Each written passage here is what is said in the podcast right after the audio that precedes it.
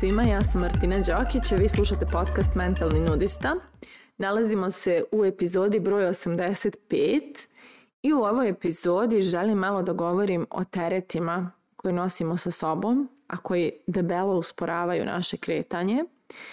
I ti tereti su traume, nesigurnosti, strahovi, paranoje, stresovi, koja šta što, što onako nosimo na svojim leđima, a često nismo ni svesni ko to mi možemo da budemo bez svega toga. I evo, za ovim mikrofon je, mikrofonom je jedna osoba koja je otkrila šta sve može da bude kako, kako koju traumu oslobodi, tako, tako kao da sam otkrila, još, sa svakom oslobođenom traumom otkrim još jednu novu verziju sebe, to pokušavam da kažem. I imam baš potrebu da podijelim tu neku razliku e, kako izgleda život kad se nosi svoj mrak sa sobom, a kako izgleda život e, kada počnemo da oslobađamo taj mrak. E sad važno je jako da napomenem da je za suočavanje sa svojim mrakom potrebno mnogo petlje i mnogo spremnosti da se proplače i proživi i da boli i da se suoči sa, sa ko, ko čim ali ako imate dobru podršku i ako konstantno se edukujete u tom polju, taj put će biti lakši, i ole lakši. Um, ja sam se sa raznim svojim rakovima suočila i pričala sam od jednoj, jednoj od epizoda i da sam sa porodicom bila prekinula kontakt i svašta sam, mislim zaista svašta sam morala da otpustim iz svog sistema. I par puta je bilo uh, imala sam, to jest ne par puta, nego u početku kada sam se bavila tim nekim svojim temama i otkrivala svoja grozna uvjerenja koja su me, koja su me baš ograničavala u životu, znala sam da imam malo onaj Uh, kritič, kritički nastrojen pogled na sebe kao kako si mogla ovako da razmišljaš sve ovo vrijeme, kako nisi znala da je ovo u tebi problem bio itd. Međutim, kako sam više jeli, napredovala i radila na sebi, tako mi je postalo jasno da neke teme nosimo um, jer nemamo kapacitet da ih ranije riješimo. I tačno kada dođe trenutak mi, i kada osjećamo je ovo mi sad u mom životu pravi izazov i ovo mi smeta, je tu je trenutak da smo spre, kada smo spremni da se suočimo s tom temom. I onda je okay što je prethodno bila tu, nismo je bili svjesni jer nije bilo vrijeme za nju. I um, kada nosite svoj mrak i svoje traume i svoje strahove i svoje nesigurnosti okolo sa sobom, to je nešto što ja zovem potrošači energije. Znači kao da su nama uključene neke sijalice svih boja, ma sijalice je blaga riječ, ne znam šta troši, o, o, kako se zove one stvari kojima se majnuju kriptovalute koje troše boga struje. E, upravo tako su i naše traume kao ti, kao ti ovaj, te sprave, ne znam kako se zovu, ali uglavnom naše traume i naše nesigurnosti su ogromni potrošači naše životne energije.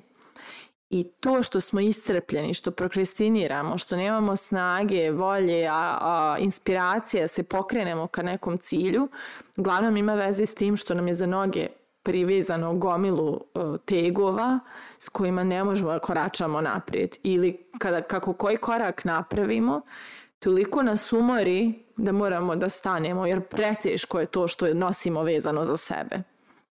I onda, da bi nam korak bio lakši i put brži do nekog cilja, moramo da se ujedno i vratimo malo unazad i raskačimo neke terete koji su zakačeni za nas, a koje vučemo sa sobom.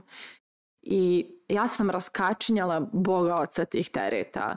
Znači, ja sam dijete koje je bilo debelo zlostavljano u djetinstvu, fizički i mentalno.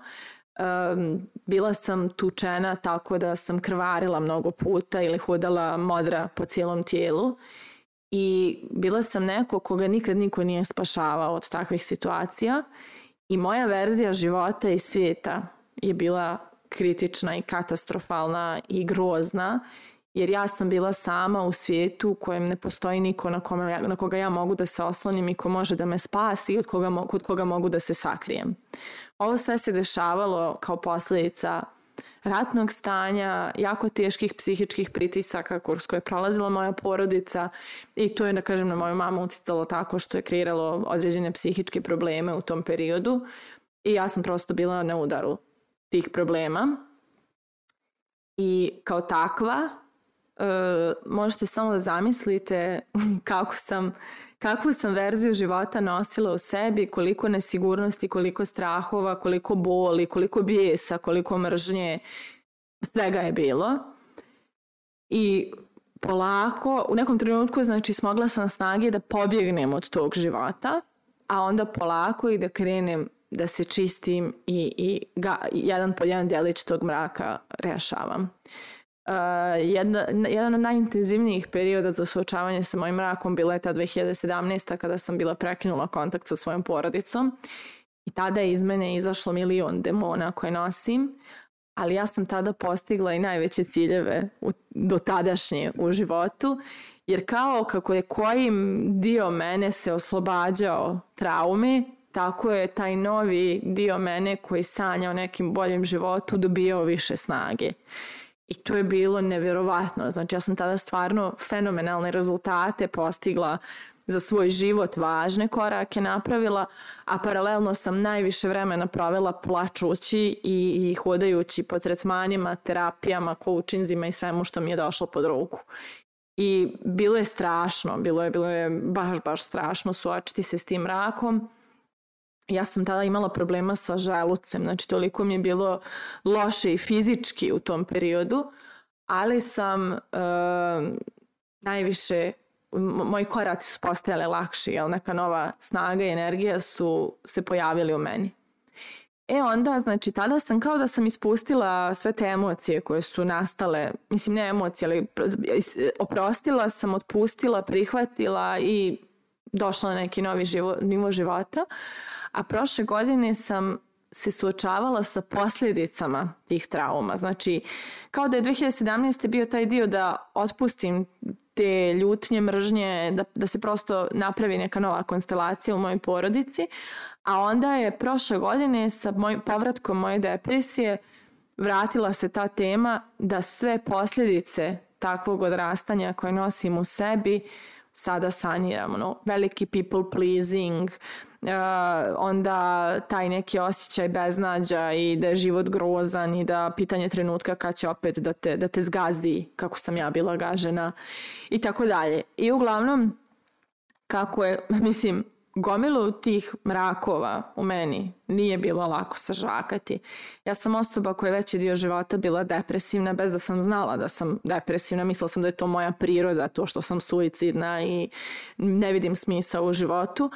A e, kada sam se vratila tu depresiju prošle godine, zapravo ja sam se vratila na mjesto gdje su pohranjene mnoge stvari koje ja mislim o životu, a nisam ni znala da su i dalje u meni i krenulo je čišćenje i preslaganje to, tih dijelova mene i posle te depresije da nastao je ovaj podcast i knjiga koja se pi, koju pišem i nova firma koja će da se stvori, to jest moja postojeća koja će da se revidira u nešto sasvim novo i tako dalje. Znači, jer u meni, ja sam sad toliko inspirisana, moj život je nikad lepši, moji odnosi, moj pogled na život je nikad lepši jer ne nosim više taj mrak koji me pritiska konstantno i troši moju energiju.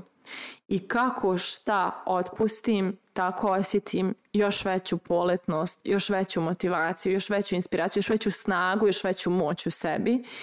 I zaista, kao što sam rekla, otpuštanje trauma nije lagano, suočavanje s njima nije nimalo lagano, ali vrijedi svake suze, svake, svakog bola i svake pare, jer ta verzija koju ćete, koja, koja vas čeka da budete kada sve to prevaziđete je vrijedna svega na svijetu.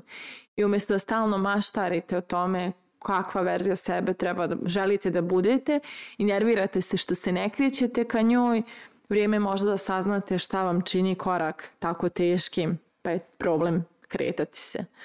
Tako da, eto, ovo je baš važna tema iz moje perspektive. Evo, imala sam i ovdje neki sharing svojih ličnih dešavanja koji su prilično duboka i ne pričam puno o njima, ali... Um, jako mi je bilo važno da ovo shvatite, da shvatite da, da, da vam ovo priča neko ko je stvarno imao s čim da se suoči i nisam odustajala od tog suočavanja i vrijedi. ponevam se da vrijedi. Tako da moje pitanje za kraj ove epizode je koje terete sve vučete u sebi i kada ćete da ih se riješite. Mislite o tome, a mi se družimo u narednoj epizodi.